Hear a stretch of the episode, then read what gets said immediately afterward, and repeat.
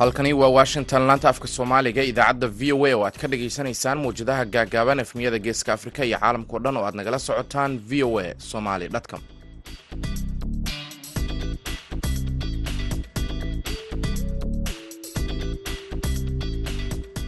Waa maalin axada shanta bisha maaj sanadka labada kun iyo saddex iyo labaatanka. Afrikada bari saacaddu waxay tilmaamaysaa kowda iyo barka duhurnimo. Idaacadda duhurnimo ee barnaamijka dhallinyarada maantana waxaa idinla socodsiinaya anigoo ah maxamed bashiir cabdiraxmaan.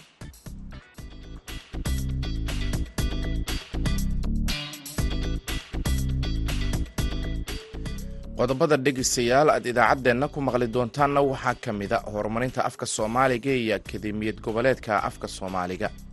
Akademiya goboleedka af soomaaliga oo aad sidaad u tilmaantay aga loo soo gaabiyo halkudhegeeda ayaa ah u hiili afkaaga hooyo iyo hal abuurkiisa. Af soomaaligu haddaba haddii bulsho intaa tiro leeg waxaanu ku hadasho waxaanu ku qiyaasnaa ilaa shan iyo labaatan milyan oo qof. Kaalimihii heesaha ayaan sidoo kale ka marnayn barnaamijka ciyaarihiina waad dhegeysan doontaan balse intaasi oo dhan waxaa ka horeynaya warkii caalamka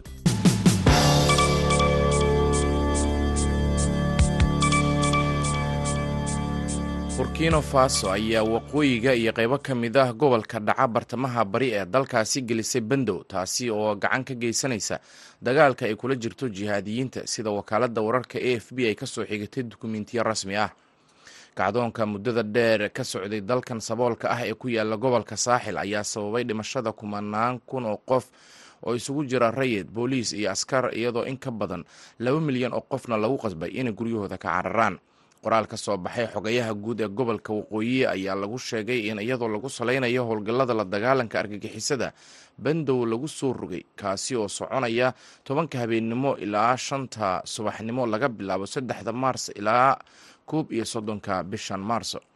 Bandowga ayaa mamnuucaya dhaqdhaqaaqa dadka iyo gaadiidka iyadoo xogayuhu uu sheegay inuu gacan siin doono ciidamada dowladda ee gobolkan xuduudda la leh dalka maali weerarada jihaadiyiinta ayaa sanadkan kordhay iyadoo asbuuc kasta lagu dilo tobanaan rayid ah iyo xubno ka tirsan ciidamada amniga ee dalkaasi.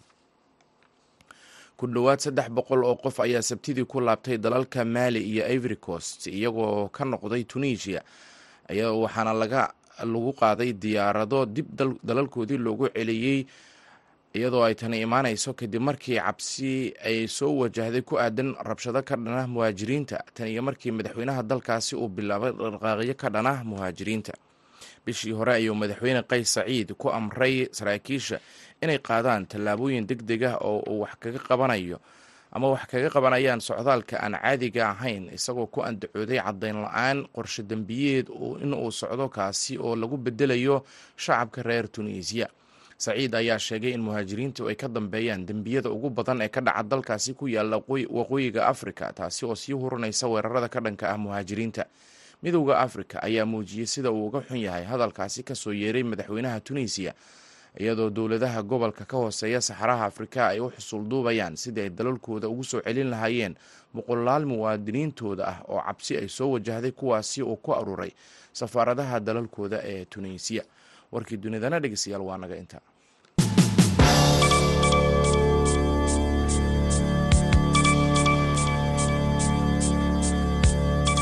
halka dhegeystayaal wararkaasi aad kala socotaan waa laanta afka soomaaliga ee v o a.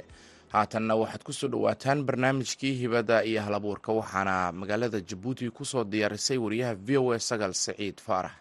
Kulanti wacan oo wanaagsan dhegaystayaal dhammaantiinba meel walba ood naga dhagaysanaysaan ku soo dhawaada waa mar kale iyo barnaamijkeeni hibada iyo hal abuurka oo maalin walba waxaad aad ku dhagaysataan barnaamijka dhalinyarada maanta. Waxaana barnaamijka inta uu socdo idiin daadihin doonta anigoo ah sagal saciid faarax toddobaadkan barnaamijkeena hibada iyo hal abuurka waxaynu kaga hadlaynaa afka hooyo ee af soomaaliga iyo uhiilintiisa waxaana barnaamijka igala qeybgelaya abwaan siciid saalax axmed oo ka mid a aqoon-yahanada soomaalida islamarkaana madax ka ah akaademiyad goboleedka af soomaaliga ee aaga. Waxa uuna sharaxayaa af soomaaliga hadda halka uu marayo iyadoo horey loo oran jiray in afka soomaaliga laga yaabo inuu ka mid yahay luuqadaha sii dhimanaya. Af soomaaligu hadda hiil waa haystaa sagalay halkudhega akademiya goboleedka af soomaaliga oo aada sidaad u tilmaantay aga loo soo gaabiyo halku-dhegeeda ayaa ah u hiili afkaaga hooyo iyo hal abuurkiisa. Af soomaaligu haddaba haddii bulsho intaa tiro leeg waxaanu ku hadasho waxaanu ku qiyaasnaa ilaa shan iyo labaatan milyan oo qof inay af soomaaliga ku hadlaan. Af soomaaliga luqood hadda dhimanaysa maaha. Alla kama dhiga eh waxaanay tiradaa darteed. Laakiinse afafku waa dhintaan. Marar waxaa la sheegaa labadii isbuucba adduunka af baa dhinta. Kuwa la helo oo aan la oqoon u la ogaadaana waa jiraan. Afafka adduunka dhimashadooda waxa keena oo la yidhaahdaa waa marka hal qof uu ku hadlo oo keliya ama halkaa qofna dhinto weliba intaanu dhiman qof qudh ahi ciduu kula hadlo ma helo marka waa afkii oo dhintay. Hadduuba mid keliya yahay oo aanu cidna la wadaagayn oo way dhacdaa in adduunka ay sidaas. Laakiin intaanu afku dhiman wuxuu soo maraa heerar calaamada lagu arko. Af soomaaliga iyo kuwa kale oo iyagoo dhaqan oo dadkudu joogo lagaga naxday naxay oo ama laga yamxeeriyey wax la yidhaahdo waxay ahayd calaamado lagu arkay. Afkii waxaa keenay af soomaaligu isagoo af la barto oo kora. Afafku waxay ku koraan in hab waxbarasho lagu dhigto oo la barto oo cidi ilaaliso. Marka markii dagaalada sokeeye dhaceen oo habkii waxbarashada ee af soomaaligu uu burburay. Markii dadkii kala baahay markii luqooyin badani soo dhexgaleen markii uu yeeshay dhaliilo ku soo kordhaya oo uu afka tusaya in uu leexdo ayaa lagu tilmaamay ifafaalihii ugu horreeyey ee afafka ku dhici jiray marka ay ay bilaabanayo broseska dhibaatada afafka ku dhacda. Marka sidaasoo loo tilmaamo maaha eh af dhimasho u dhow ma aha ma jiro. Dadka qaar xitaa waxay yidhaahdaan qolooyin mashaariic ku sameynaya oo ku dhow ayaa afafka sida af soomaaliga iyo afaf iska dhaqan ka dhiga inay dhimanayaan. Marka dad badan markii la yidhahdo af soomaaligii buu dhimanayaa waxay u moodaan in afkii af ahaan uu u dhimanayo. Laakiin hadda aad usaa sharaxaysid afku wuxuu dhintaa ama la waayaa markii ay dadkii isticmaalaya yidhahdaan marka soomaalidu haddaan intaa tiro leegnahay inta gabar naga hartay afkan waa iska jirayaa sooma ha waa waa waa jiraya laakiinse khatarta kale waxaa weeye in laga guuro oo isagu sidii loogu hadli afafku way isbedelaan taasuna waa caadi inuu afsuuqyada qura maaha ee habkii loo waxaa laga yaabaa af soomaaliga inaynu maanta ku hadlayno in dhowr kunoo sano uu sida tan ka duwanaa waayo afku wuu jiray in aan ka yarayn shan kunoo sano. Inta la ogyahay taariikhda afka waa af da-weyn kana sii badan ee waa inta la hubo oo raadkeeda laga helayo in uu saddex kun iyo shan boqol saddex kun dhalashadii nebi ciise ka hor cidi ku hadlaysay oo geyigan ay soomaalidu hadda deganta oo lagaga hadlayo waagaana lagaga hadli jiray. Intaaba ma dabargo-in mana dhiman. Hadda oo uu qormay dadkuna sii tarmayaan. Waxna barteen.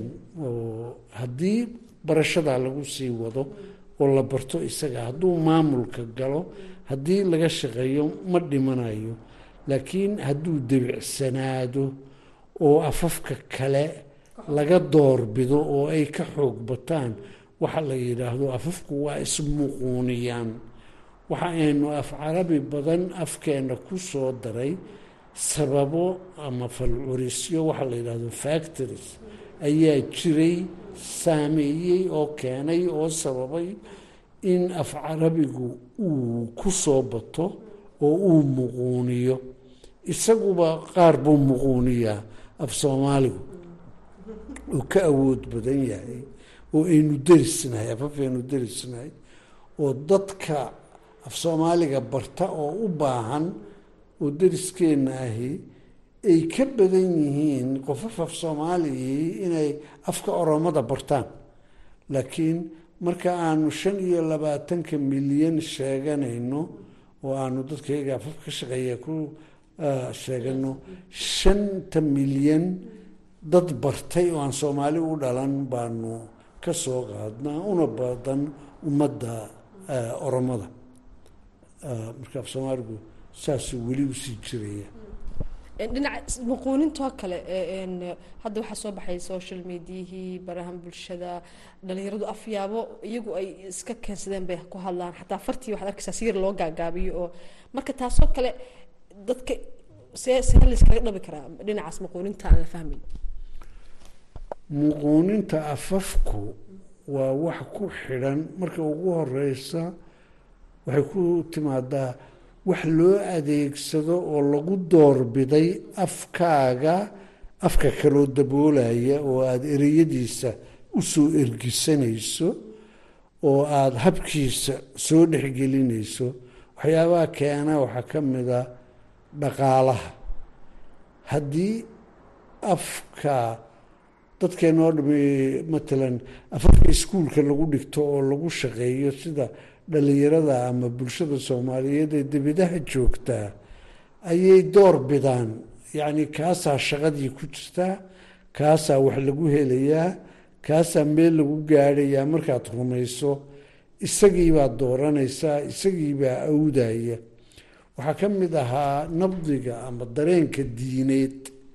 Matalan waa tusaalaha dhabta aynu u sheegan karo maxaa af ereyo badan oo carabi ahi af soomaaliga u soo galeen. Laba jeer buu af oo carabi ahi u soo galeen af soomaaliga oo uu af soomaaligu u amaahday mar walba ma amaahan jirin baynu oran karaa markii afafka carabida iyo soomaaligu ee laba xoololey ahaayeen isdhinac deganaayeen horumarkoodu isleekaa ay isku itaal ahaayeen labaduba waa kala amaahan jireen. Cidina ma diideyso in carabida hore ereyo badan oo af soomaali ka soo askunmay oo ka soo bilaabmay ay ku jiraan oo aan la garan luqada qadiimiga ah ee reer miyiga carabtu ay ku hadlaan iyo soomaaligu inay isgalaan.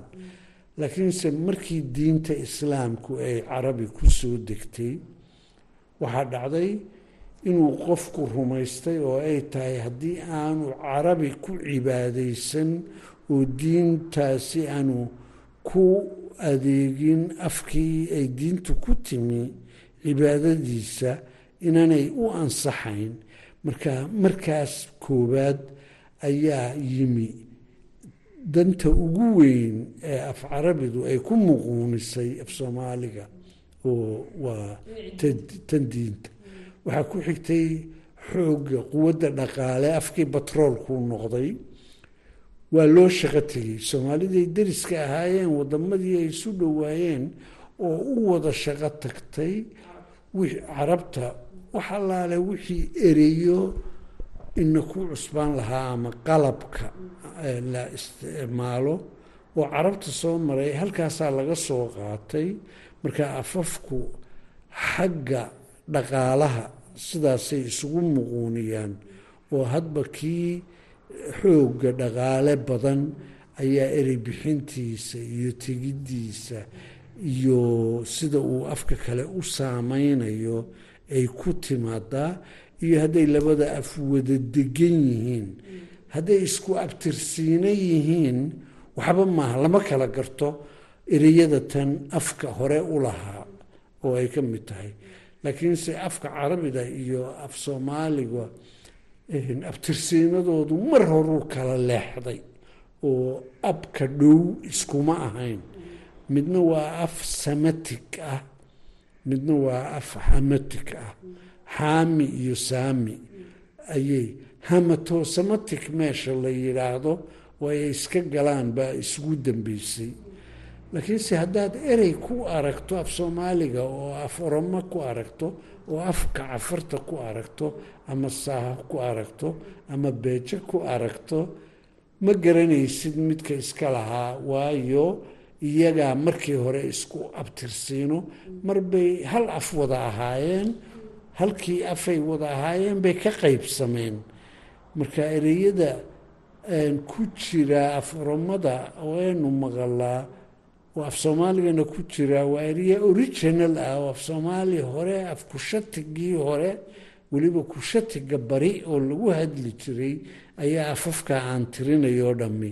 Ka dhexayaan oo iyagu isku muquunin kama iman laakiin markan dambe ay kala qaybsameen iyaguna waa ismuquuniyaan oo tan tirada badan tan dhaqaalaheeda loo badan yahay oo dadka haddii af soomaaliga ka hadla cidi u soo shaqo tagto oo ay doonto dadkaasoo af soomaaliga ku khasbaysaa inay bartaan oo ay noqdaan. Marka wadaderiska iyo isa saameynta afafka meel wada yaaliina waismuquuniyaan intan oo soomaali iyo oromo iyo cafar markay isku markay isku mid ka ahaayeen luuqada noocyaa la oran jiray talo. Warkeeda ma lahaya warkeeda waa la hayaa marta ilbaxnimadii weyneyd ee kushatigu mid adduunka ku baahday bay ahayd oo meelahan geeska afrika ama afrikada bari ka bilaabatay laakiin sii baahday. Afafka kushatiga oo jiraa oo iminka raadkoodu muuqdo oo inay isku dad ahaayeen waa la yaqaan waxaa la yahdaa nailaydka dhulka webiga nail hareerihiisa afaf kushatigaa lagaga hadlaa waqooyiga africa sida berberka afafka dhulka berberka ee laga soo bilaabo tunis libya morocco jaziira ilaa mauritania iyo ka sii soco dadka suuradda madow ee maariinka ah ee wadanadaasi carabtu ugu tagtay weli way ku hadlaan afkii berberka oo waa nooc kushatiga ka mid a. Kan soo roganaynu sheegaynaa oo kushatiga bari waxaa la israaciyaa shantaa aan sheegayay ugu tiro badan tahay afka oromadu afka soomaaligu laga yaabo inuu ku xigo afka cafarta afka saaho iyo afka beeja. Shantaa af waa iska sii xigaan oo waa kushatiga bari marka kushatigu waa fiday oo marmar waxaa loo yaqaan ilaa eshiya inuu gaadhay oo ilbaxnimada iyo raadadkeedu laakiin afafkeedu weli afrika goonyaheeda ayay ka muuqdaan. Guud ahaan waa naga intaa dhegaystayaal barnaamijkeeni hibada iyo halabuurka toddobaadkan waxaa barnaamijka iigu marti ahaa oo igala qeybgalayay abwaan siciid saalax oo ka mid ah aqoon-yahanada soomaalida islamarkaana ku jira madaxda akaademiyad goboleedka aaga. Waxaa barnaamijka idiin daadihinaysay anigoo sagal siciid faarax taniyo intaynu mar kale barnaamij noocaana ku kulmi doono haddii eebaha awoodala laga helo. Inta ka horeysa waxaan idinkaga tegayaa nabadiin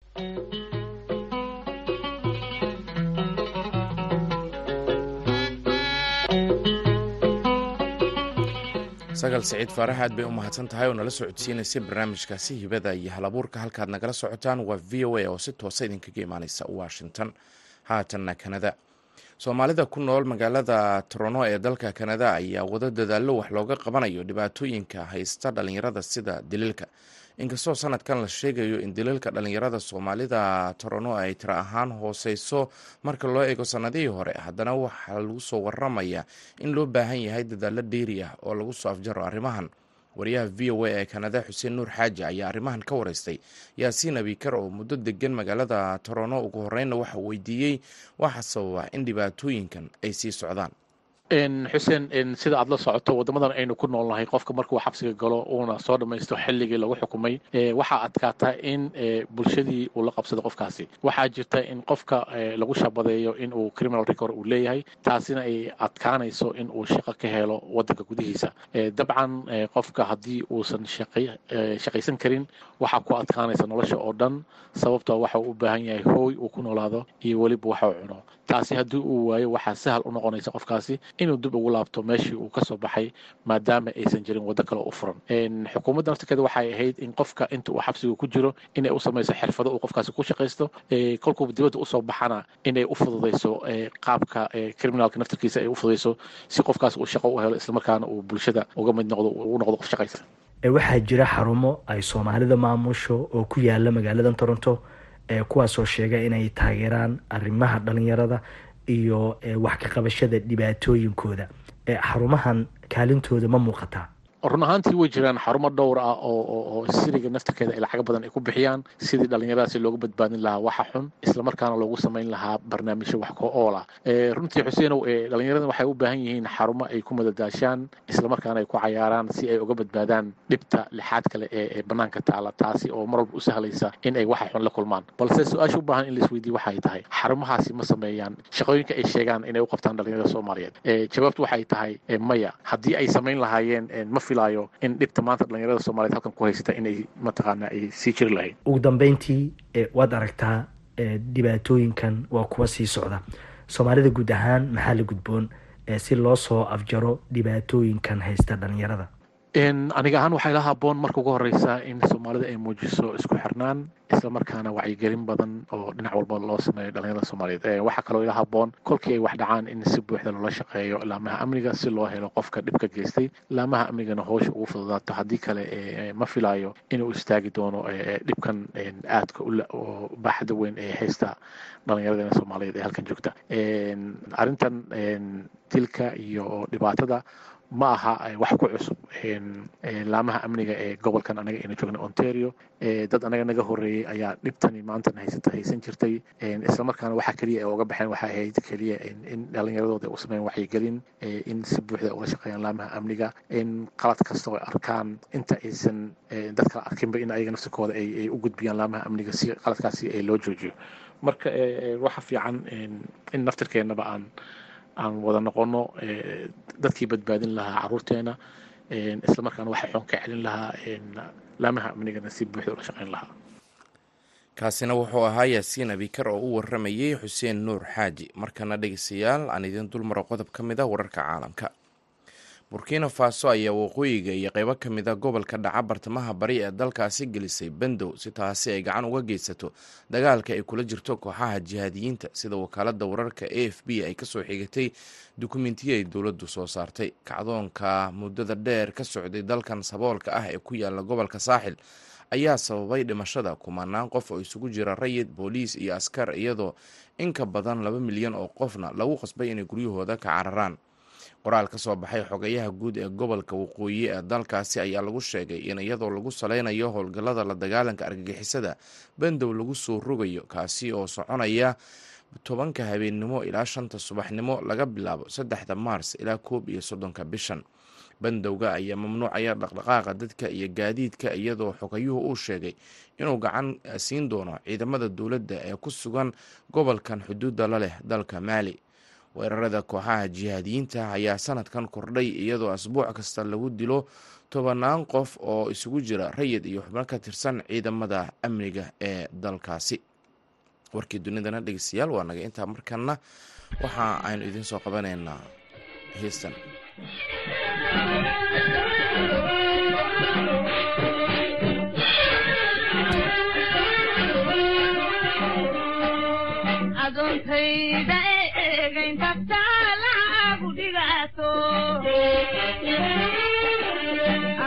wayga eegayn kabtaa lacagu dhigaato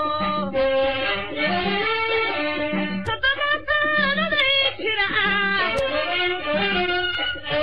igu siisay taagniye kababataanaday jiraa igu siisay taagniye sunud bahaal ku dilayne dabteediisa ahaadee dunud bahaan ku dilayneen dabteediisa ahaadee simahaydi gadaatee ani kaloy joogtaa simahaydi gadaatee ani kaloy joogtaa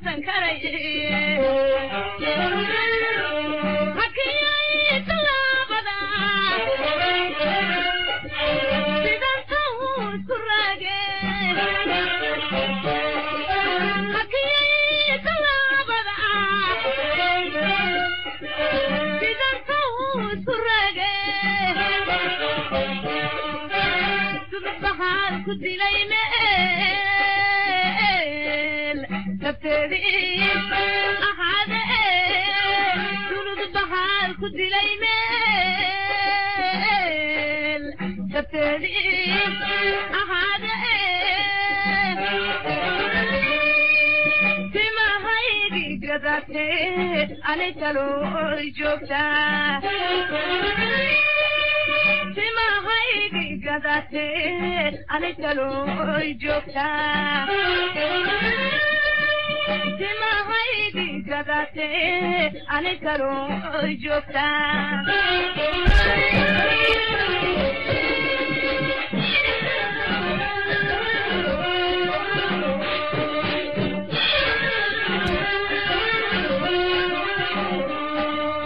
adoontayda eegayntabta lagu dhigaato adoontayda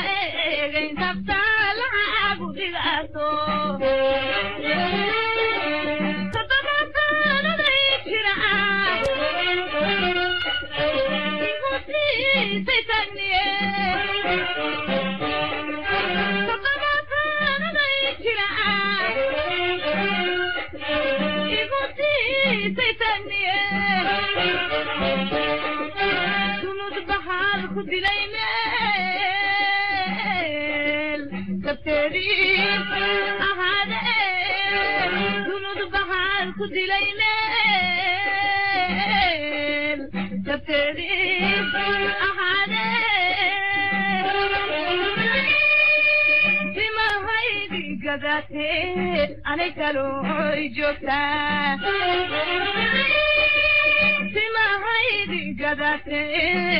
kalooy joogtaa allahu naxariisto xaliimo khaliif cumar magool ayay ahayd waxaana gebagabo u ahayd idaacaddii duhurnimo ee barnaamijka dhallinyarada maanta oo si toosa ah aad uga dhegaysanayseen laanta afka soomaaliga ee v o a tan iyo kulanti damba dhegeystayaal waxaan idin leenahay nabadgelyo.